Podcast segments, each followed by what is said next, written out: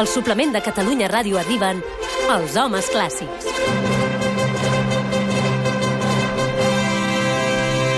Ready, set! Mestre Pardo, bon dia de nou. Sembla que vinguem a cavall, eh? Albert Galzeran, bon dia i bona hora de nou. Prepareu-vos, Bon prepareu-vos perquè a cavall haureu de venir el 23 de desembre en una plaça molt cèntrica de Barcelona. Però a cavall, a cavall o...? Cavall i preparats per celebrar el Nadal, perquè ja, ja és Nadal a Catalunya. Doncs uh, ho vindrem a celebrar Ràdio, amb el suplement, òbviament. Ara em explicàveu a la publicitat que sí. més val una imatge que mil paraules en aquesta vida, però això es pot convertir, dieu, en més val una bona melodia que mil paraules. No esteu exagerant una mica? No, no, no, no, no, ja veuràs. Avui volem fer, hem fet una secció en la qual volem demostrar-te que de vegades les paraules no són necessàries, no ho són, per expressar un sentiment, un estat d'ànim o una acció del dia a dia. Exacte, mira, ara, ara farem la prova. Et posarem, Roger, unes melodies i ens diràs què et suggereixen. Doncs vinga, va, som-hi. Anem amb Vinga, la va. primera? Vinga.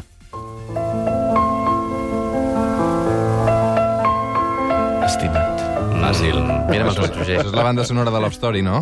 Exacte. Història d'amor. Aquesta era molt Història fàcil, d'amor. no? Fàcil. Sí? Va. Vinga, va, una altra, una altra. Aquesta t'agrada més, eh?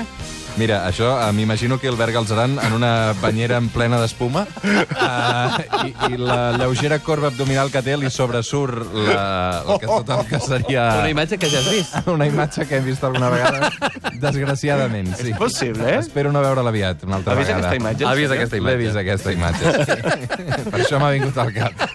Això Però és... t'asseguro que no va ser un final feliç. Oh, A veure, què, què més? Va, això, En per tant, cas, música de striptease, Això no? mateix, de Joe Cocker, uh, música sensual. Va, una, una més, què et suggereix aquesta? Home, això de ser Benny Hill, per tant, uh, humor, no? Exacte. eh, exacte, sí, sí. I clar, com no, si no, no seríem nosaltres els homes clàssics, tot això ja ho feien molts i molts i molts anys abans compositors com el genial, genialíssim Antonio Vivaldi.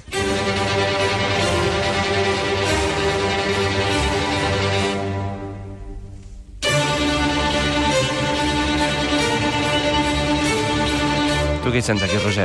Home, si això són... Si parlem d'estacions, aquí, mal rotllo, com a mínim deu haver-hi tempesta. Ah, exacte, exacte. És que Vivaldi va escriure quatre concerts per a violí i orquestra, que són les arxiconegudes quatre estacions, eh? les quatre estacions de Vivaldi, d'Antonio Vivaldi, eh, on descriu amb el seu estil barroc alguns fenòmens meteorològics, com per exemple aquesta tempesta d'estiu. El que passa és que, clar, ho feia amb, amb els mitjans que ell tenia a l'abast, no? O sigui, una orquestra de corda, no Clar. tenia aquí xumba-xumba, com t'agrada a tu. Això mateix, amb el que comencem cada secció aquí al Suple. Unes quantes dècades després, un altre grandíssim compositor va fer una mica el mateix. Va voler descriure una tempesta també a través de la música, però ja veuràs que ho feia d'una manera una mica diferent.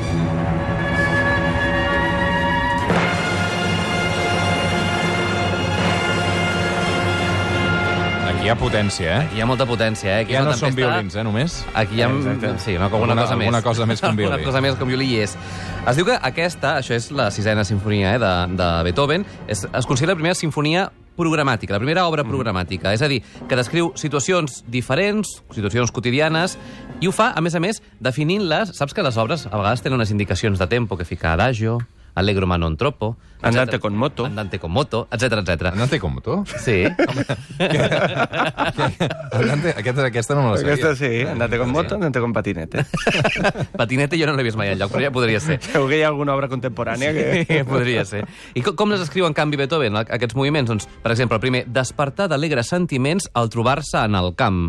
La segona, escena al costat del rierol. Tercer moviment, animada reunió de camperols, el quart, el que estem escoltant, llampecs, tempesta. Mm. I el cinquè, per exemple, himne dels pastors, i afegeix alegria i sentiments d'agraïment després de la tempesta. És a dir, amb aquesta sinfonia Beethoven descriu només amb música fets quotidians i també estats d'ànim. Sí, sí, és que fins i tot alguns compositors han descrit només amb música alguns animals. Ja veuràs, escolta.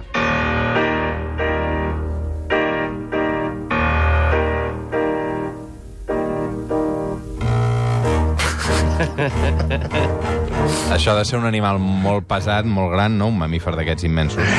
Exacte, sí, sí, un de gros, eh? Un, Tipus rinoceron. Un rinoceron? Gairebé, bé. sí, Un sí. elefant. Un Ah, elefant. un elefant.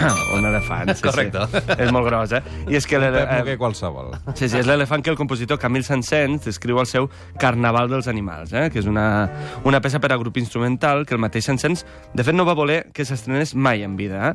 excepte la que potser va ser la més famosa de peces per a violoncel, Sí. que és El Cigne.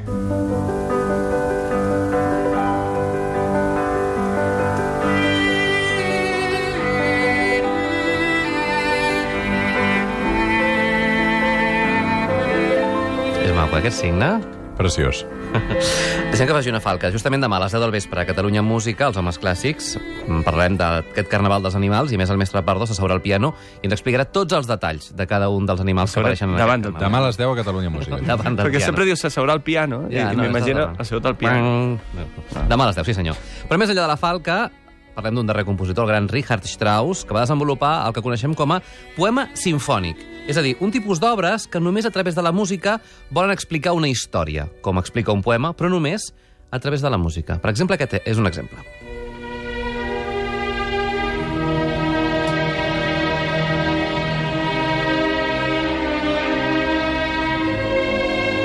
Què et suggereix, Roger, aquesta música? Home, és molt cinematogràfic. Mm. Mm, O, o bon rotllo? Mm, no, del tot, eh? eh? Hi ha una separació aquí, eh? Aquí hi ha hagut una història d'amor que s'ha trencat. Mm. Hi ha una certa tristor. És quan se'n va, se'n va. Se'n va. Se'n va, Se'n va. marxa. I no la tornaràs a veure mai més, segurament. Doncs mira, Strauss... En Et aquest... diu que sí, però no tornarà, Però eh? no, no, no tornarà perquè, de fet, No ha passat, això. ens parla en No ha aquest, passat mai. en aquest darrer moviment del poema Vida d'heroi. Estàs bé, Roger? N'has d'explicar alguna cosa? Se'n van anar per tabac I mai més van tornar, i mai eh? més van tornar. puja, puja. A veure, plorant tots. Sí, home. A veure, en aquest poema sinfònic, Vida d'heroi, de, de Strauss, vol parlar-nos, literalment, eh, de la retirada del món i la consumació de l'heroi, entenent l'heroi, però, com l'artista, per tant, el músic. Exacte, perquè de fet de Strauss abans de morir va dir que, que sí, no? que la vida d'un artista queda molt ben resumida amb aquest poema sinfònic. Doncs precisament avui, al suplement de Catalunya Ràdio, l'estudi ens acompanya un músic que també descriu les escenes quotidianes del dia a dia, no només amb la seva música, sinó que també ho fa amb lletres realment captivadores.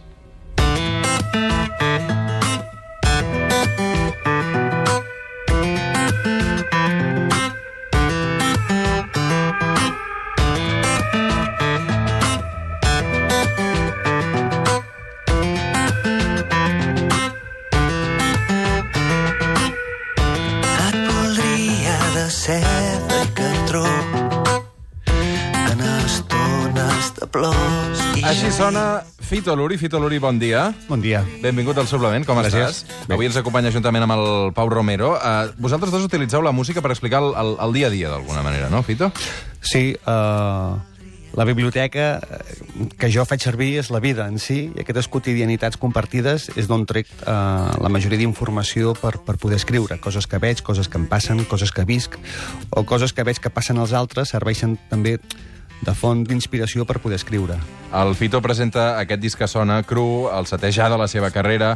El proper 1 de desembre presentarà el Festival Accents de Riudoms. Uh, cru. Uh -huh. Títol ja bastant que marca tot plegat, eh? Sí, però també uh, cru perquè és natural, no està precuinat, uh, no ha passat pels fogons, i és l'ambivalència d'aquesta paraula, no? De vegades cru, uh, la gent diu cru quan vol dir cruel, i una cosa crua no té per què ser dolenta, no? Uh -huh. um, fas música, però jugues molt amb les fotos. També. Sí, en aquest disc uh, vam fer un experiment, vam enviar a la, la lletra de, la, de cada cançó, sense el títol ni sense la música, a 10 fotògrafes i fotògrafs diferents, i ens les van retornar en blanc i negre, i llavors la veritat, la, la, la veritat és que l'experiment ha estat molt, molt bonic. I la, les imatges aquí, per tant, són totalment també una font d'inspiració. Uh, la música pels fotògrafs, no? Exacte, menys l'última foto, que és una foto amb color, que aquí és al revés. És la foto que va servir d'inspiració per la cançó.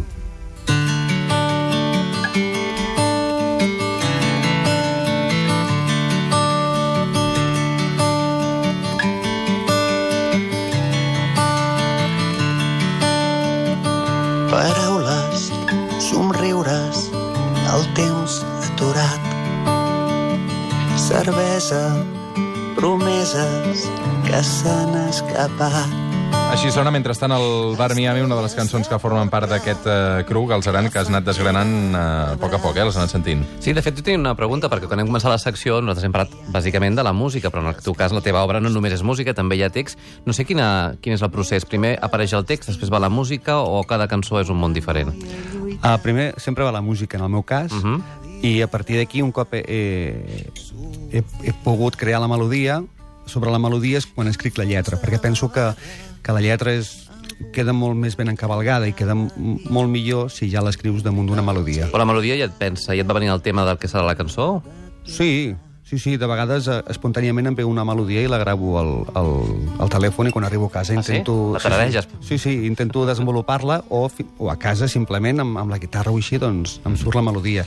Tenim moltes ganes d'escoltar-te en directe. Et sembla bé si fem pujar a l'escenari? Som-hi. Què tocareu? Una cançó que es diu Cartes trobades, que parla d'aquell moment que tots hi hem passat o passem o hi passarem, eh, que és arribar a casa d'algú que ha mort, no? I, i comences a obrir calaixos i tal, i et venen records, i... Mhm. Bueno, és una, una sensació així, com a, entre trista i agradolça per records. Ja. Doncs avui Fito Luri a la veu i el Pau Romero també que l'acompanya a la guitarra, si voleu pujar cap a l'escenari quan vulgueu. Eh, no oblideu, proper dia 1 de desembre, Festival Accents de Riudoms. Abans de tot això, però, seran en directe al suplement de Catalunya, de Catalunya Ràdio avui, també amb els homes clàssics que eh, els examinen sota aquesta atenta mirada. Quan El farem de vulgueu, jurat. Quan vulgueu eh, Fito Luri en directe al suplement. Endavant. obre la llum. Quants instants li venen al cap. Allà s'havia fet gran entre petons secrets somriures. Fa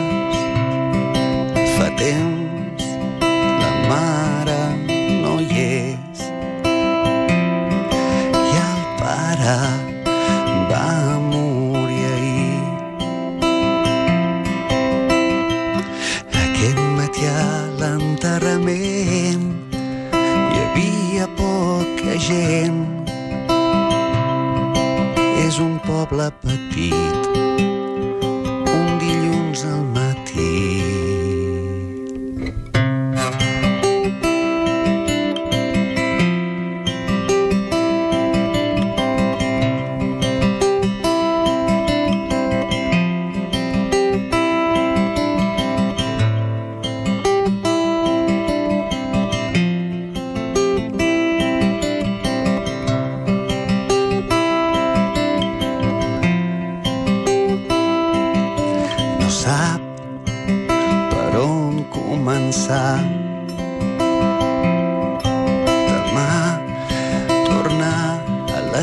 ciutat. Endreçar els caps de setmana es farà una eternitat.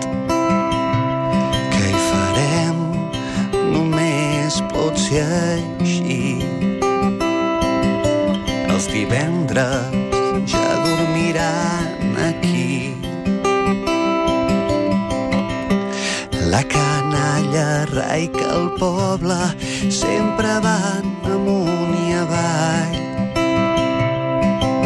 Ella trista impacient obre el primer calaix.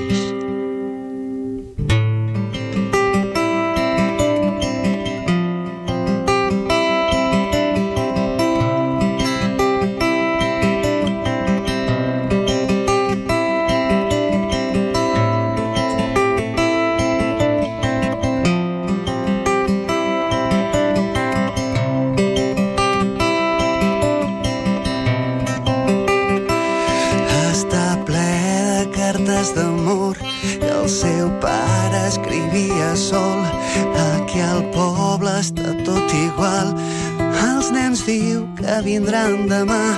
Veig a la nostra filla bé, corrent sempre amunt i avall. Truca cada nit i riem. El petit no ens deixa parlar, el jardí està tot florit, tantes roses que vam collir. Ja he sopat, marxo al casal, el Barça juga a la final. Coi de temps, quin dolor que tinc, com costa caminar, tot i que sóc molt feliç, com et trobo a faltar, com t'estimo, amor, fins demà. Fito Luri, el suplement de Catalunya Ràdio, 1 de desembre, Festival Accents de Riudoms. Fem una pausa i tornem per acomiadar-nos. Fins ara.